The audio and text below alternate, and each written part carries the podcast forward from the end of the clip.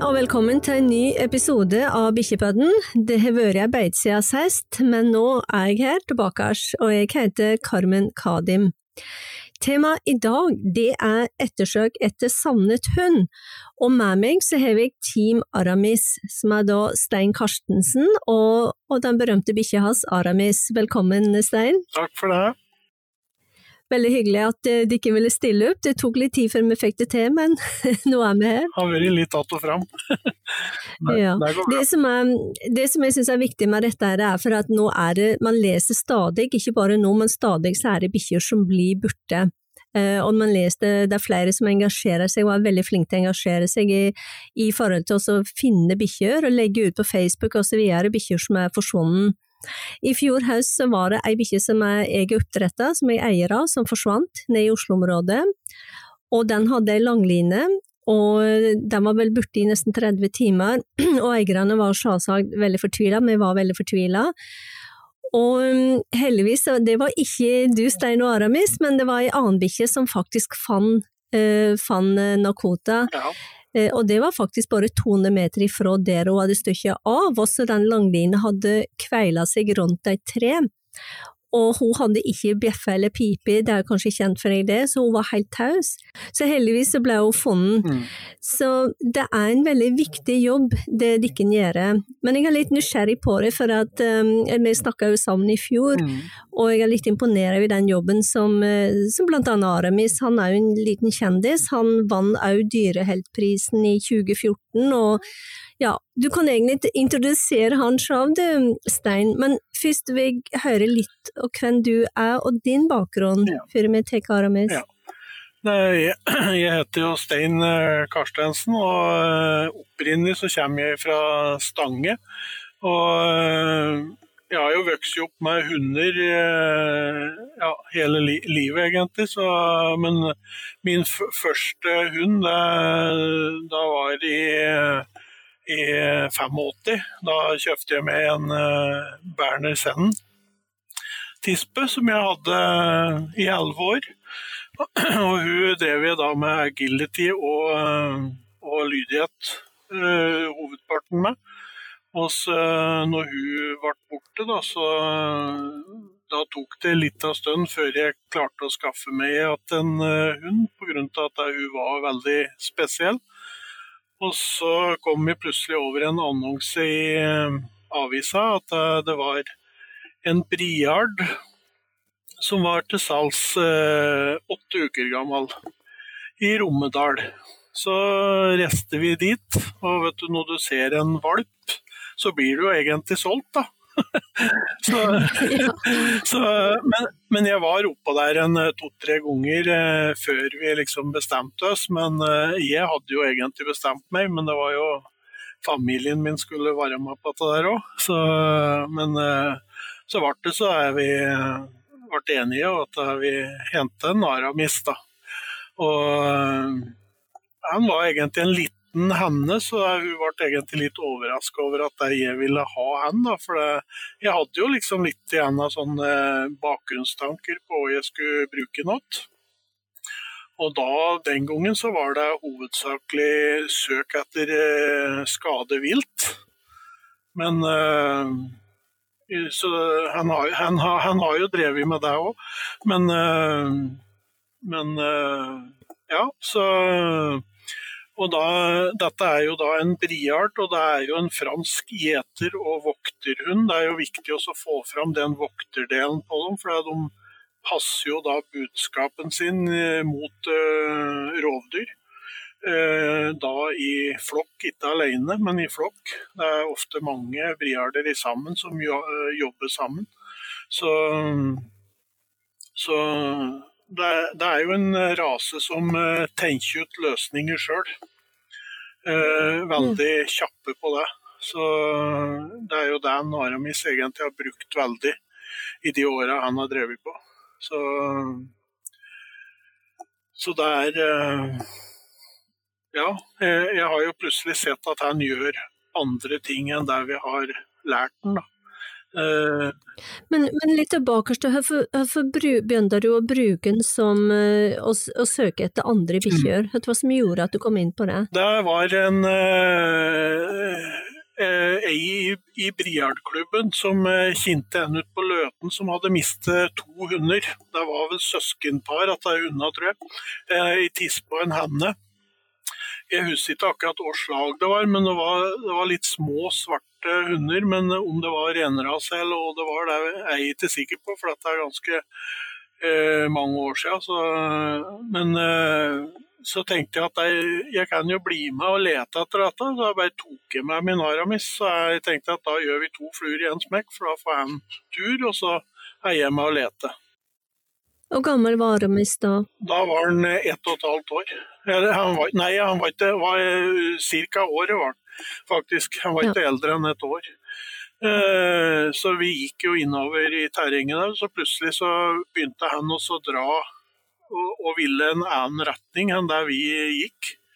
Og så tenkte jeg at jeg, jeg følger inn, og så ser jeg over i havnen. Og da kom vi ut på et stort beite som det sto i sånn diger gran midt ute på beitet. Under der lå den ene bikkja. Da eh, fant han den. Og så Der var kun den ene hunden, da. Så sa jeg at om eiere Eira at da tar dere den med dere, og så går vi videre og så finner vi ut hva de har skilt lag igjen. For det er en eller annen plass borti her så har de skilt lag. Og Da fant vi det krysset der de hadde byttet retninger begge to. Og så begynte vi å gå på det sporet og søke på det. Og så fant vi den eh, siste. Og det, det var litt uh, hjelp av flere, for da, da begynte vi å ha en peiling på hva de var igjen. Da. Men uh, de hadde vært borte i uh, nesten 14 dager. Ja, så, så, de ble liggende på Veterinærhøgskolen på Gjøvik på intravenøst, så de lå der i over ei uke. Så de var avmagre. Men eh, han må jo være Du må være veldig flink til å lese, ja. eh, lese han, som gjør at, å stole på han i, når han var såpass ung? Ja, Den gangen så gjorde jeg jo ikke det, men jeg tenkte at det, og vi går igjen, det spiller jo ingen rolle. Så, for vi vet jo ikke hvor bikkja er hen. for da visste vi jo egentlig ingenting hvor bikkjen var hen. Eh, for da gikk vi jo rett og slett eh, en stor manngard. Det var jo veldig mange folk som var med. Men så tenkte jeg at når han drar liksom, eh, østover, så blir jeg med han liksom, for å se hva det er han vil for noe. Men hvordan reagerer de andre bikkjene når han fant deg? Den, den, gangen så bare markerte han liksom eh, og fløy bortåt dem. Eh, men så da når jeg så han gjorde dette der, så fikk jeg en idé oppi huet at dette der må det gå an å trene opp ei bikkje til å gjøre. Eh, og da begynte vi da med apporttrening på halsbånd. Han uh, henter halsbånd i alle retninger og alle slags mulige varianter uh, rundt omkring. Og etter hvert så han ble veldig sikker på den biten, så satte vi de halsbånda over på Kjøpte noe ja, bamser, eller hva jeg skal kalle det, som ligner på hunder. Da. Og så uh, la jeg ut dem i, i terrenget, så han skulle søke dem opp og da apportere dem åt meg. Og det gjorde han. Så han begynte å hente. Og så da Vi hadde jo trent på det ganske lenge, så spurte jeg oppdretteren om jeg kunne få låne mor hans. Og det fikk jeg gjøre, så hun var hos oss i 14 dager, og så drev vi og trente apport på levende sund. Så han apporterer mor si? ja, han gjorde det. Ja, han, altså, hva gjorde han? Han dro i halsbåndet? Han tok tak i halsbåndet? Han tok tak i halsbåndet og leide åt meg. Men fungerer dette ute med fremmede bikkjer, da? Det fungerer bedre enn med henne åt uh, mora hans. For uh, de hundene som er på rømmen, de uh, Vet du, nå har han jo drevet på i ni og et halvt år, og han har enda ikke vært i en uh, kamp om at han ikke får lov å, å ta til dem. Uh, eller at det har i sløssing. Da. Så Så det er akkurat som det er når han har drevet på litt bak dem og suldret, så han har bygd opp litt tillit, så får han nesten lov til å gjøre hva han vil med dem. Så det er akkurat som de skjønner at de får hjelp. Det er helt imponerende. Hva som skjer i huet på dem, det vet jeg ikke, for det, det greier vi jo ikke å finne ut da. Men altså, eh, ifra sine egne så vil de ha hjelp. Vi, har, vi som tobente vi kommer jo ikke halve ned, altså bikkjene, for de er skye og redde. Og, og at noen eh, er jo litt sinte på folk òg, for det er at noen som har fløyet etter dem og prøvd å fange dem, og så har de mislykkes, og da blir de jo enda mer skye. Men uh, slipper jeg ut Aramis, så går jo han ut og ikke imot hunden. Han går til sides og bak og så driver han og suldrer bak der, omtrent som en gjeterhund gjør da, med flokken. Og presser presse da sakte, men sikkert imot meg, samtidig som det han bygger tillit til den hunden. Og når han har fått tillit, så vet han at jeg da kan ta tak i enten sela eller halsbånd. Har de ikke det, så tar han tak i nakken og så bare holder fast, og så står han da stille. Da begynner han ikke å gå. Da står han stille, så da får jeg beskjed på GPS-en at Aramis har stand. Så da må jeg gå ut og hjelpe han. Så, så vi må hjelpe den eh, liksom eh, annenhver gang, liksom, ettersom åssen bikkja er rustet. Men har de eh, sela eller halsbånd, da kommer han med dem. Men hvor lange avstander er det han søker ut og, og slikt, da? For det blir en del gåing på rekken, da? Ja, det blir mye, mye gåing. Eh, nei, altså vi går med langline på Naramis helt til vi har kontakt med bikkja. Eh, og da kan vi ha gått og, og søkt i flere timer på forhånd. Så, for det er jo søksarbeid som egentlig er eh, veldig tidkrevende. For bikkjene har jo kommet langt på ei lita stund. Så det lengste søket vi har, det er jo på litt over tolv timer sammenhengende. Så, og da, når vi finner bikkjen da, så er han helt superklar til å gjøre jobben videre. Så det er jo helt utrolig for en arbeidsmaskin jeg har hatt. Så det er jo synd de blir gamle. Ja, jeg skjønner, for en arbeidskapasitet ja. han må ha, så må det være et eller annet oppi psyken. For du har en tidspause ja. som du driver og trener opp, men du sier at hun, blir hun like ja. god som Aramis? Ja, altså På søk så er hun bedre, men uh, hun henter ikke jeg får ikke hun til å hente. Så, så, hun blir kun en ren søksund, eller er en ren søksund.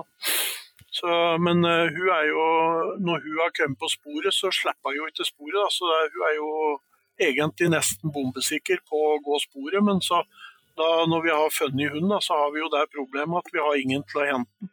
Ja. Så, men uh, ja, det vi har brukt Naramis litt igjen, er kun på den hentinga. Men uh, jeg har egentlig pensjonert den, da, vet du, men eh, det er eh, nå, nå har det jo vært veldig, veldig pågang. Ja, jeg ser det blir liksom meg og meg, så den jobben som jeg skjønner godt, liksom han er ni og et halvt år og du pensjonerer han, men du, du, trenger fortsatt, liksom, for det ja. høres ut som Aramis er en veldig spesiell hund. Ja, det er, eh, vet du, vi har jo hatt mange kurs for oss å prøve oss å plukke ut noen som kan Eh, eventuelt trene bikkjene sine videre og, så, og prøve dette, men vi får ingen til å hente en hund. Det har vi ikke greid å få til ennå. Så eh, det ser ut som at det blir Bernaramis som har gjort den jobben. altså. Men er det mange som driver med det nå? For den som ble, jeg tror det var en sjef deg som fant eh, den, den her irsksetteren? Ja da, altså det er noen som har gått noen sånne småkurs, liksom. Mm. Eh, som eh, kan ha eh, noen bra hunder. Men eh, hvis du skal trene en hund eh, på å gå ut og hente, så er det en jobb som tar eh, borti tre år å trene opp. Så, så det, det, gjør du ikke på sånne helgekurs. Nei. Så de som, eh, Det er jo noen som går ut på media og sier at de har en hund som gjør alt mulig, liksom. Men eh, det er jo egentlig ikke tilfellet. For når de kommer i terrenget, så ser en jo fort at det, det, hunden ikke funker. Men var du den første som begynte med det her i Norge? Ja, det tror jeg. Eh, uten å være helt skråsikker, så, men jeg vet ikke ta noen som hadde en opptrent hund som var helt rein på akkurat dette der. Men, eh, men, du sa at du holder kurs, holder mye kurs, er begynner folk å bli interessert? For dette må dere der ute, hundefolk der ute, hallo, hallo, dette må være en kjempemessig greie å jobbe og trene bikkjene deres til, for det er veldig mange bikkjer som, som, man bruker til forskjellige ting, men, men, kanskje dette er mer matnyttige ting, da, konkret, som, som er viktig? Mm. Der, uh, I fjor høst så prøvde jeg også en uh, som jeg har gått kurs hos, å, sette opp et spesialkurs åt sånne ting. da. Men uh, det var ikke lett å få med seg folk, for det, det blir jo kosten litt da, vet du, når en skal ha sånne kurs. For det blir jo litt avanserte kurs. For En må jo ha liksom flere etapper på sånne et kurs og trene på forskjellige ting. Og, og ja, en god del teori og forskjellig. Så vi hadde jo satt opp et helt program og så skulle gjennomføre et sånt et kurs, og så få en eh, type godkjenning til slutt. da. Men, eh, men eh, folk var ikke villige til å bruke såpass med kroner som det koster å trene opp en sånn hund. Eh, dette der. Nei, og det er det som er Bare det å trene opp en, en, en blindehund, for eksempel, det, det, er jo et par hundre tusen. Ja. Eh, og en tjenestehund, det tar jo, som du sier, en tre-fire år. Og, så det er klart at det, det må være folk som er dedikert og interessert ja. og virkelig vil dette her. Så jeg sier til dere hundefolk der ute, hvis det er noen som er dedikert og føler at dette er noe for dere, så er det vel verdt uh, å gjøre det. Mm. Men litt tilbake til Aramis igjen, for at han vant den dyreheltprisen i 2014. Ta så Fortell litt for det. Ja, det var, eh, det var jo den ja, Nå står det jo litt stille her, da, men eh, den forsikringa som er dyreforsikring på Agrial? Agria, ja. Mm. Eh, og så var det Norsk Kennel og så var det Norges Rytterforbund som hadde gått i sammen. For det kunne like gjerne vært en hest som vant den der, eh, prisen der. Eh, og der har det vel vært jo i ettertid, tror jeg, men, eh, men eh, dette var jo første år de hadde det, så de var jo usikre på hvordan dette der eh, ville gå. da. Så var det noen som hadde eh, lagt inn at Naramis var eh, kandidat til dette der. Så I starten så visste jeg ikke at han var på lista dette, her, for da var det folk som eh, gikk inn og stemte på de forskjellige kandidatene som var med. Da. Så det var, det var, jo det var jo eh, Jeg mener det var over 160 forskjellige kandidater ja, som var med i starten, og så datt de av etter hvert. da, vet du. Men hvem var det som inn Aramist uh, som kandidat her, da? Nei, Det var noen i ei i letegruppe. Eh, akkurat hvem det var, det har jeg egentlig aldri fått en greie på. Mm. Men, eh, men, i hvert fall så ble den stående der, og så var, fikk jeg beskjed da, at den eh, var på den lista, så jeg fikk eh, gått inn på den. Og da så jeg at han liksom han fikk jo noe enormt med stemmer fra folk ute i felten. Så, så, han var jo helt Den dagen det liksom skulle kåres vinneren, og så var jo han helt overlegen vet du, i poeng. Så, så jeg kom hjem etter jobb en dag, så sto jo hele balletten nede på gården og tok imot oss. Og, og det var champagne og full, full, full fest.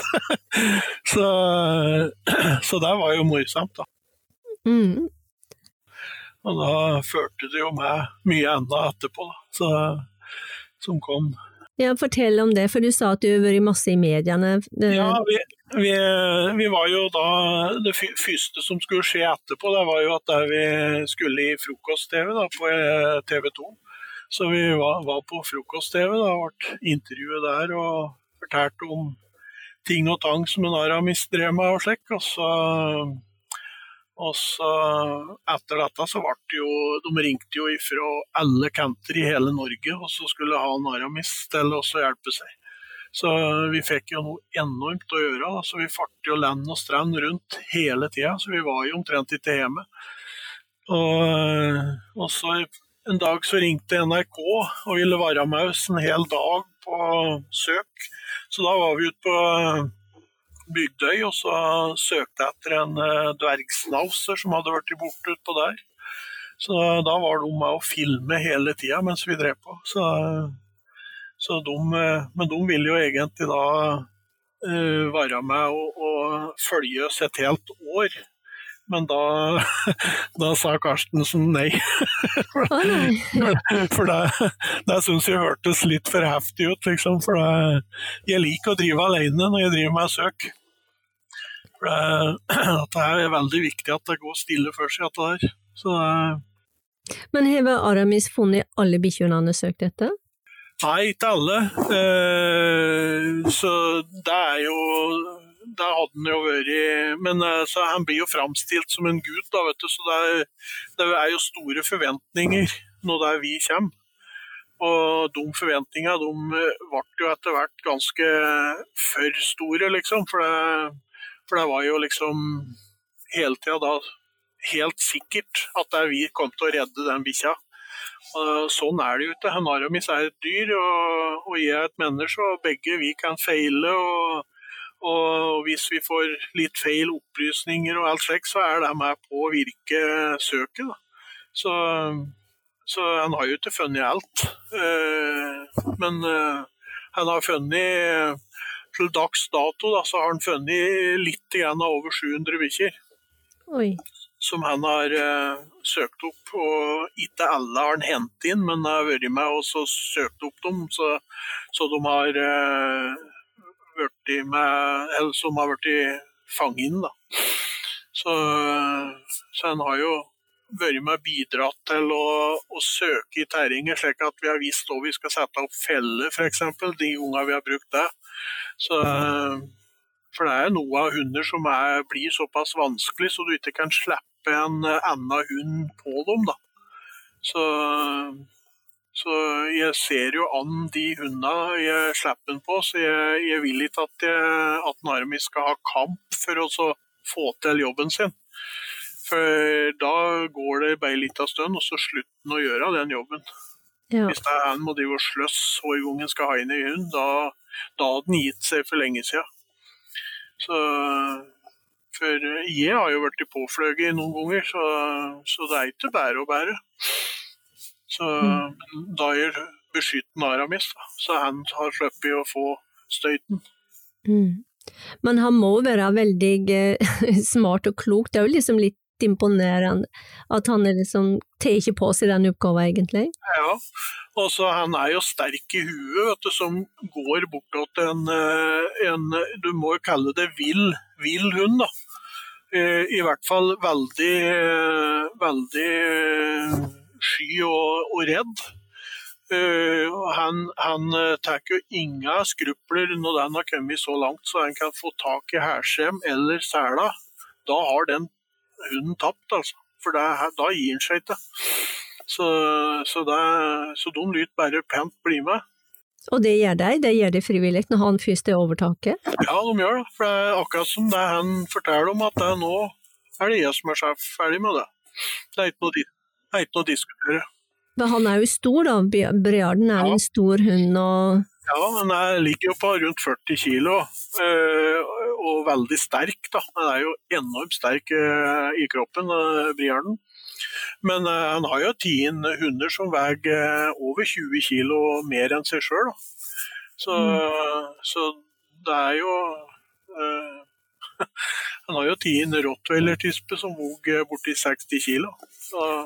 Det er veldig mye, han er sikkert, det er sikkert intern kommunikasjon med bikkjene, ikke sant? Autoritet og, og språk som, som, jeg ikke skjønner. Ja, det er jo dem imellom som uh, avgjør om at det der uh, skal gå slik det skal gjøre, liksom. Så det men det er jo veldig rørende, da, er det ikke det, når han kommer med ei bikkje? Det må være veldig Jeg hadde hatt tårer i øynene og vært kjemperørt. Jo, men det har jeg hatt mange ganger når jeg har sittet og sett når jeg sitter på avstand og ser på han jobbe. Eh, og ser hvordan den løser oppgaven forskjellig hver gang, så, så, blir det jo det. Så det er jo en enorm jobb eh, han legger ned. Og sånn som når vi har f.eks. vært på et dagssøk og, og, fått inn hund Det er jo hunden i enda på søket som er belønningen hans. Det, det ser jeg på han at det, er det han tenker. Det er om å gjøre å få funnet den bikkja. Så han driver jo på som en maskin vet du, å søke, helt til det lykkes, og så endelig få komme ut løs og få gjort den jobben han skal gjøre. Da. Og da, og da om kvelden da, så da sover han rett et døgn etterpå, så han får restituert seg til, til nær på topp igjen, liksom. For, ja, for det er veldig mentalt for han, liksom? Enormt slitsomt for han. Men hva belønner du henne med, da? Altså, belønning er det, er det det å lykkes, eller er det noe spesielt du gjør? Nei, han får, eh, han får en belønning eh, i, i, form av mat, og så har han en, eh, har han en sånn oval-boll som er den beste belønninga han kan få. Så, så, den har jeg jo med meg støtt. For hvis vi må gå så langt at vi må ha pauser, da, og det skjer jo ganske ofte at du går så langt at du må ta pauser, så da går jeg og tar han ut til sporet hvis det er vi har et uh, sterkt spor. Og så tar vi pause ved sida av sporet, og da får ikke han lov å drive og suldre rundt og så liksom bortom uh, sporet. Da, da, må han legge seg og slappe av ved sida av meg, og så får han litt igjen å ete på. Og så uh, tilsetter en ny smeller i nossonas på, på, den hunden vi leter etter. Det er jo luk, luktstoff av hund, da. beste er jo pels av den hunden. Og så setter en inn igjen i sporet, og så bærer det videre. Da durer den på videre. Da er den klar for fight igjen. Men, men, forklar det med smellerlukt, så lytterne vet at du mener. Smeller, det er jo luktstoff øh, øh, av en ting eller person eller uh, hund da, som vi går etter. Og da, da, må jeg ha en, enten en ting eller pels av den hunden vi skal finne ifra eier. Og det må være rent. Det kan ikke være ei katte som har vært blandet inn i den uh, lufta. Det uh, må være en helt ren luft av hunden vi skal finne, som jeg da putter ned i en, en snuseboks. Nesten som ei pepperbørse da, med hull i. Og Da setter jeg den i nåsen på Naramis, så han drar opp den lufta. Og da memorerer han den oppi hjernen.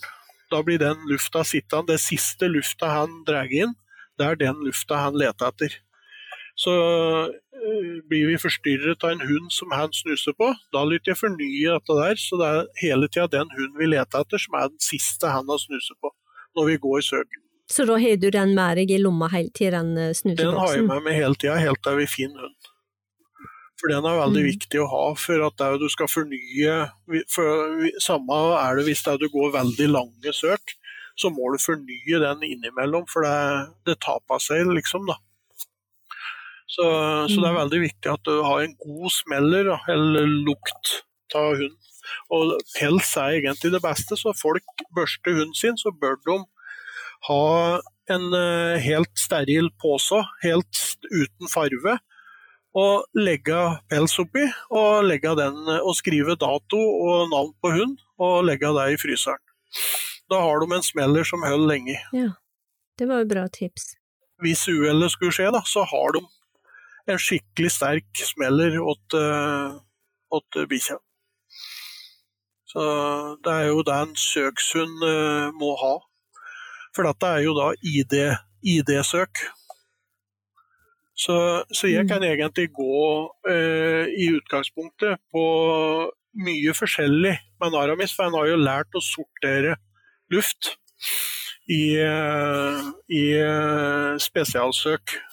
Og, og, da bruker vi jo en sånn rampe med mange sånne bokser som han må sortere lufta og finne den riktige som han har fått beskjed om å finne. Da. Så, så dette må de jo trene mye på. Og dette er ferskvare, så dette må du trene på hele tida. Du kan ikke liksom trene opp ei bikkje i tre år, og så er du ferdig med treninga. Sånn funker det ikke. Du må trene ja, Hvor ofte, ofte trener du da? Har du trent Aramis i mye om det? Er det én eller to ganger eller tre ganger i uka, eller gjør man det? Ja, det er, altså, Hvis det er lite å gjøre, så vi ratt. Har vi trent ratt på sånn søk eh, fire ganger i uka. Men har du fremmede bikkjer du bruker, da, eller så trener du da? Altså, da kan det hende jeg har reist rundt og så fått litt ull av andre bikkjer, og så bruker jeg det oppi boksen. Oppi disse boksa, og så får han lufte på én boks. og så Det er den enkle utgaven av den treninga. Å stå inne med den rampa jeg har og, og trene på det. Det er slik det jeg kaller tørrtrening eh, på ID-søk. da. Men så kan du òg da få noen statister da, til å gå ut i terrenget med bikkja, og så har jeg fått igjen en boks med hår av den bikkja, og så søker vi i skogen. For jeg må jo ha litt skogstrening og by, bytrening. Jeg har til og med trent inne på, på på Maxisenteret, inne der, i butikktidåpning, når butikka var oppe. Ja. Fikk du lov til det? Ja, jeg fikk lov, for hun sentersjefen der, hun er hundeeier. ja, men var det, var det, Trente du på å finne en hund, eller var det folk, eller si Nei, da trente vi på å finne en hund inne på senteret der. Og da var det en hund som hadde gjemt seg der, eller hadde gjemt der inne? da? Ja, ja.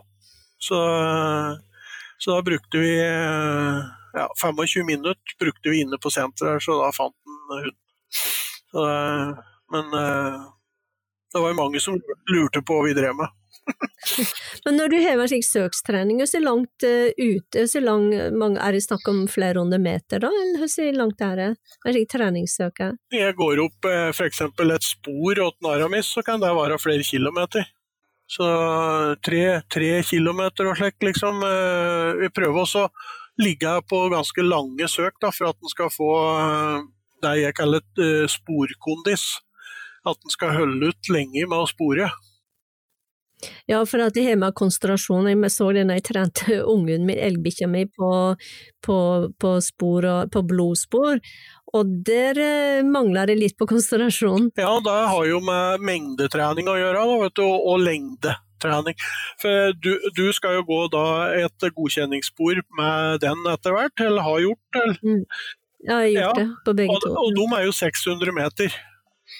Mm. Ja. Og da når jeg, jeg skal gå et uh, sånn spor som er f.eks. 600 meter, da, så går jeg ratt uh, hele tida spor som er 1,5 km. For å ligge over der jeg skal gå på. For da, da er du liksom da vet du i hvert fall at bikkja holder ut i 1,5 km, og så skal du gå 600, så det er jo liksom, da er du innafor. Eh, men når jeg skal gå med en aramis etter ei bikkje, så vet jeg aldri hvor langt de går, må gå. Ofte så er det jo veldig langt, men, men derfor så trener vi på liksom flere kilometer. Da, for, det, for å få han Nå i dag så ville ikke han ha klart et sånn et langt spor. For eh, nå har han ikke den lengdetreninga som han hadde da vi drev for fullt med han. Men eh, Lina hun holder nok ut. Men du snakker om, du kaller det, det er et ord som jeg ikke har hørt for, det er sporkondisjon? Jeg kaller det det, men om altså, proffa kaller det sporkondisjon, det vet jeg ikke. Men altså, jeg sammenligner det med kondisjon, eh, og det har med da huet deres å gjøre. Det har jo med hvor lenge de mm. klarer å holde ut Eh, for det er jo psykisk sterkt å gå så mye spor. Eh, så de lyter jo være sterke i huet, skal de klare det. Det er ikke alle bikkjene som klarer det. Men uh, alle bikkjer klarer å gå et lite spor, så sportrening det er jo fint for alle slags bikkjer, uansett åssen rase det er. Men det er veldig forskjell på konsentrasjon på dem, da. For det merker jeg bare på de to jentene mine, at det er veldig forskjell på dem. Men, på de som, men du sa hun tispa di, hvordan er hun i forhold Hun, eh, hun får du ikke forstyrre når hun har funnet sporet. Når hun har sett noe sånn i sporet, så er det ikke noe som får forstyrre. For hun lærer seg ikke å forstyrre. Så, så når vi drev i den rampa og trente, så ville han eh, kurslederen som vi hadde den gangen, at vi skulle lære dem å fryse på sporet. Eller fryse på boksen, da. Og, og, da sto Alina frøsig på en boks som hun var helt sikker på at det var riktig, da. og det, det, var jo riktig boks. Da sto hun en halvtime og holdt snuta på den og sto og bles i den boksen før, før hun slapp opp. Så, så, og hun ble ikke frustrert av at hun måtte stå der så lenge heller. Men, men, vi letta ikke gjøre det mer enn den ene gangen. Vi skulle bare teste og se lenge jeg egentlig sto. Da sto jeg en halvtime. Så, men vi belønner jo før, før de, skal, de, får slippe å fryse så lenge. For det, en frysmarkering den er jo ganske sikker. Da, da, da er bikkja 100 sikker på at hun har funnet riktig. Og da setter jeg jo noe sånn nedpå eller bortpå der, der jeg vet det er riktig. Og så står jeg og, og fnyser og blåser litt i nåsen og, og holder punktet. Uh, og det punktet skal være ganske eksakt der uh, riktig luft er. da. Men er det slik hun gjør når hun finner bikkjer ute i terrenget, at hun fryser på det? Da, nei, altså da, da, da, peker hun pekmarkerer meg nå sånn.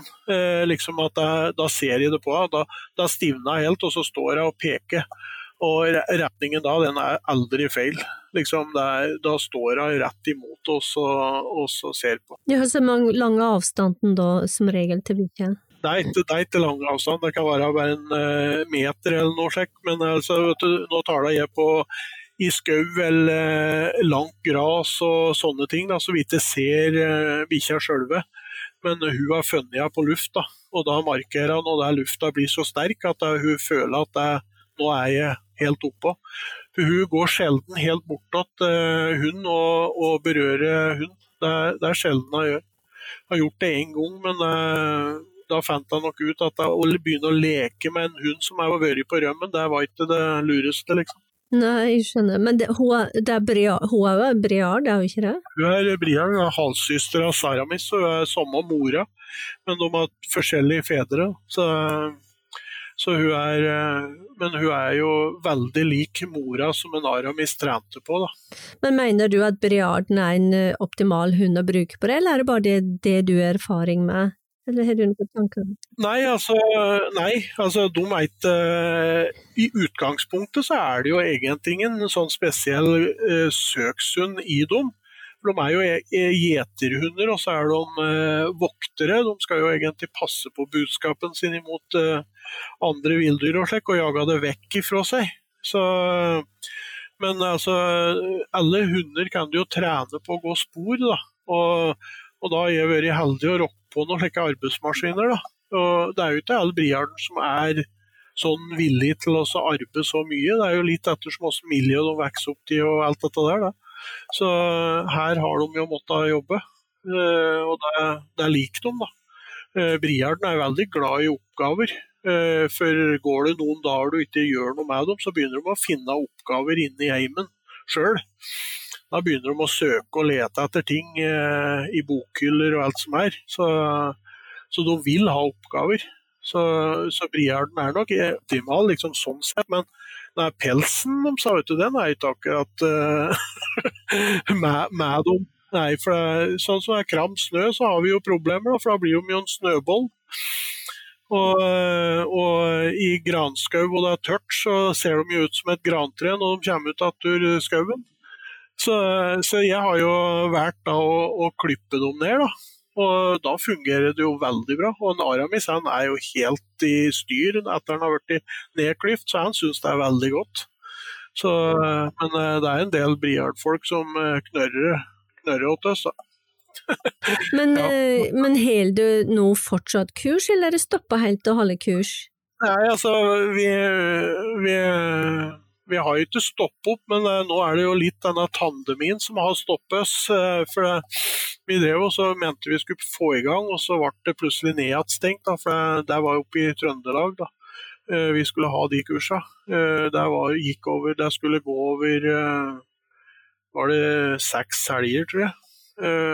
og da der ble det stopp, for det ble så mye smitte oppi der. Så, så det har jo litt problemer sånn sett, da. Men vi må prøve å få det i gang igjen eh, og prøve å se om det er noen som For jeg har egentlig tenkt å prøve å gå mer over på den kursbiten, da, i og med at det, det Eller at jeg kjøper meg en annen bikkje og begynner å trene opp den. Men hør, hør, kunne du hele kurset sammen med, og hør, kan folk ta kontakt hvis de er interessert? Stig Meyer i Trøndelag. Stig Meyer. Ja, mm. Han er jo da mann bak det de kaller Smeller-konkurransen. som, som nå Norsk Kennelklubb har godtatt og tatt inn i sitt program. Så, men sånn som å trene opp søksund og ettersøkshunder og ja, spesialhunder på både ditt og datt, det er jo han eh, spesialist på. Jeg påstår at han er Norges beste på akkurat den biten. Mm. Så du hele kurset sammen med han? Det som var meningen, da. Vi, vi, har jo satt opp et program som vi tenkte vi skulle prøve å få til eh, kursing eh, via, men nå har vi lagt det litt på is da, for å se hvordan den tandemien, dette opplegget blir. Så men kan, eh, kan, folk ta kontakt med både deg ja. og Stig, da, hvis de ja. er interessert? For det kan godt hende folk som hører på denne sendingen her er interessert ja. og, og vite meg om det. Kan de ta direkte kontakt med Rengstein? Det kan de gjøre. Også sånn, eh, Stig han driver jo oppe i Trøndelag der med, med slike småkurs og slik på smeller og spesialsøk og slike ting oppi der, på, på hundeklubben oppi der. Så så, så det er jo bare å gå inn egentlig på, eh, på spesialsok.no, så finner de, eh, hvordan de skal kontakte. Spesialsok.no. Da kommer de inn på den eh, klubben og alt dette der som han driver med. Da. Før så reiste han jo veldig mye i hele Norge, men jeg tror han har, har sluttet litt å reise så mye. Han har kursa oppi der så folk må reise til han i stedet. For det, det ble nok Han var jo aldri hjemme. Han hadde jo nesten 300 reisedøgn, vet du, så det, det, blir, det blir, for mye vet du, til slutt. Ja, Så nå må folk reise dit, da. Og det er jo like greit, det. Ja, hvis man skal lære uh, opp ei god bikkje til rette, så, så, så, må, man, må være dedikert for å ha lyst til å gjøre det. Neimen, dette er veldig interessant, Stein. Og, nei, det var et spørsmål til. Bruker du den bare på bikkjene, eller bruker du den på ettersøk på vilt? For jeg vet at du er jeger òg. Ja, altså ja, i, i, starten, når vi liksom eh, hadde liksom all den spesialsøken inne, så han kunne, kunne å skille mellom lufter så begynte jeg også å bruke den på eh, ettersøk, for det, han ble jo godkjent på ettersøk på vilt. da. Så, så, da gikk vi en del på vilt på elg og rådyr og, og hjort. Vi driver og jakter rådyr og hjort sjøl, da. Og når jeg kom opp på Møre, så var det jo etterspørsel etter eh, da, og så fikk de jo greie på da, at jeg hadde med meg Naramis. Så, så, vi var jo på noen eh, ettersøk oppi der på hjortevilt. men så eh, begynte jeg å oppdage det når vi gikk på litt lengre søk etter uh, hunder. Så hvis en da fant enten rådyr eller hjortespor, så ble det litt, som, litt interessant. Så da tenkte jeg at det, nå eh, er vi ute og kjører litt igjen her, så, så da slutta vi helt med ettersøk på vilt. Og dyrken og kjørte ganske hardt på søk kun på hund. Og da gikk det ikke lange stunder før, før det problemet i skauen var borte. På interessert i andre spor. Det ble borte. Alina Alina har jo aldri aldri gått på verken blodspor eller noe, så hun er ren, trent rent for å spore hund. da. Men da må, det være, må det være fordel å bruke ei bikkje som ikke har jaktinstinkter, slik som jeg har både på setterne og elgbikkjene mine, og da er det bare å ha bikkje som ikke har noen form for jaktinstinkter på vilt? Ja, Alina hun, hun har jo ikke jaktinstinkt. En Aramis han har jo egentlig jaktinstinkt, men, eh, men eh, jeg trener det bort med, med ID-søk. Så for det, den lufta han har fått da i nesen, den vet huet hans og han at det er den jeg skal gå etter. Eh, kommer jeg innom rev, så er det feil. Kommer jeg innom rådyr, så er det feil. Det, det, det sitter pling oppi huet. på ja, så du legger, du legger de luktene òg oppi, slik at han må velge bort de luktene av rev og rådyr og slik? Ja, ja. Må øh, løpe, løpetisper. Der har jeg fint råd vet du, at de som har handbikkjer som blir klin gærne. Og det er jo da å gå på ei sånn rampe. Jeg har jo da ti ut helt ifra starten, og alle graderingen på løpetida oppover, og så samle det på noen bokser. Eh, sånne bomullspadder. Og så legger jeg oppi eh, løpertid eh, på ja, alle boksa unntatt én. Og der oppi er det en hundepels som ikke har noe med løpertid å gjøre. Da er det kun den han skal markere på. Løpertid der må han se bort ifra, for han får ikke belønning Minnersen tar den med ren hundeluft oppi. Og så tenkte jeg at dette der så må vi sjekke om det fungerer. Og så ble vi utkalt til Sør-Odalen. Og det var ei rottweiler-tispe som var, hadde full løpertid, som var borte. Og så tenkte jeg at det, nå får vi i hvert fall prøvd ut dette der, da. Så begynte vi å komme innpå. Og Naramis ble veldig ivrig, så jeg skjønte at han syntes det luftet veldig godt. da. Og men så oppdaga vi at vi hadde en til som var ute etter den bikkja, og det var eh, ei ulvetispe som kom inn i terrenget og begynte å konkurrere med oss. Så da fikk vi det litt travelt, så da, da tok jeg den avgjørelsen at den, nå vet Aramis og den tispa er en, så jeg slipper den. Og Aramis han var ikke lenge om det, han ble borte et kvarter kanskje, og så kommer han igjen med hun løpertispa. Og da, da har de ulven rett i hæla på seg, begge to. Så da kommer han bort til meg, og da ser jeg ulvetispa oppi lia bak dem, snur, og så stikker jeg opp i skauen igjen.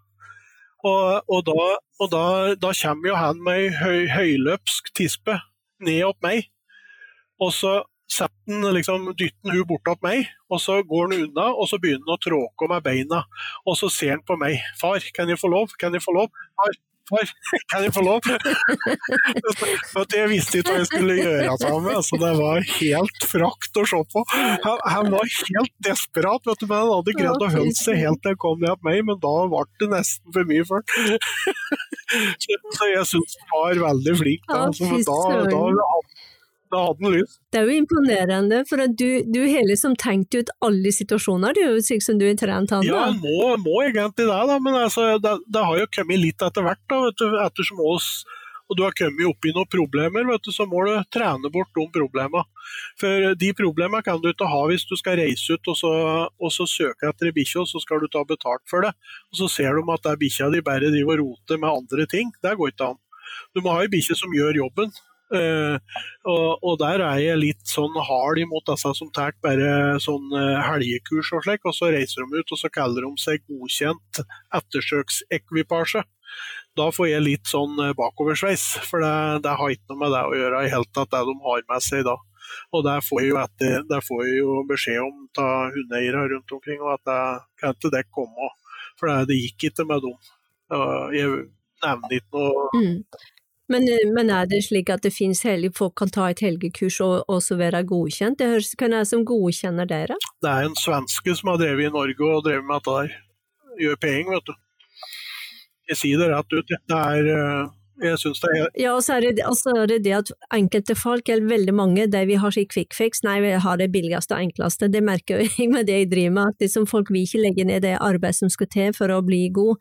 Dessverre, folk tenker er ikke da, litt, eh, ikke, Jeg sier ikke alle er slik, så ikke, ikke bli såre, men, eh, men, det er mange som tenker slik, quick fix og ferdig og få diplomen på veggen.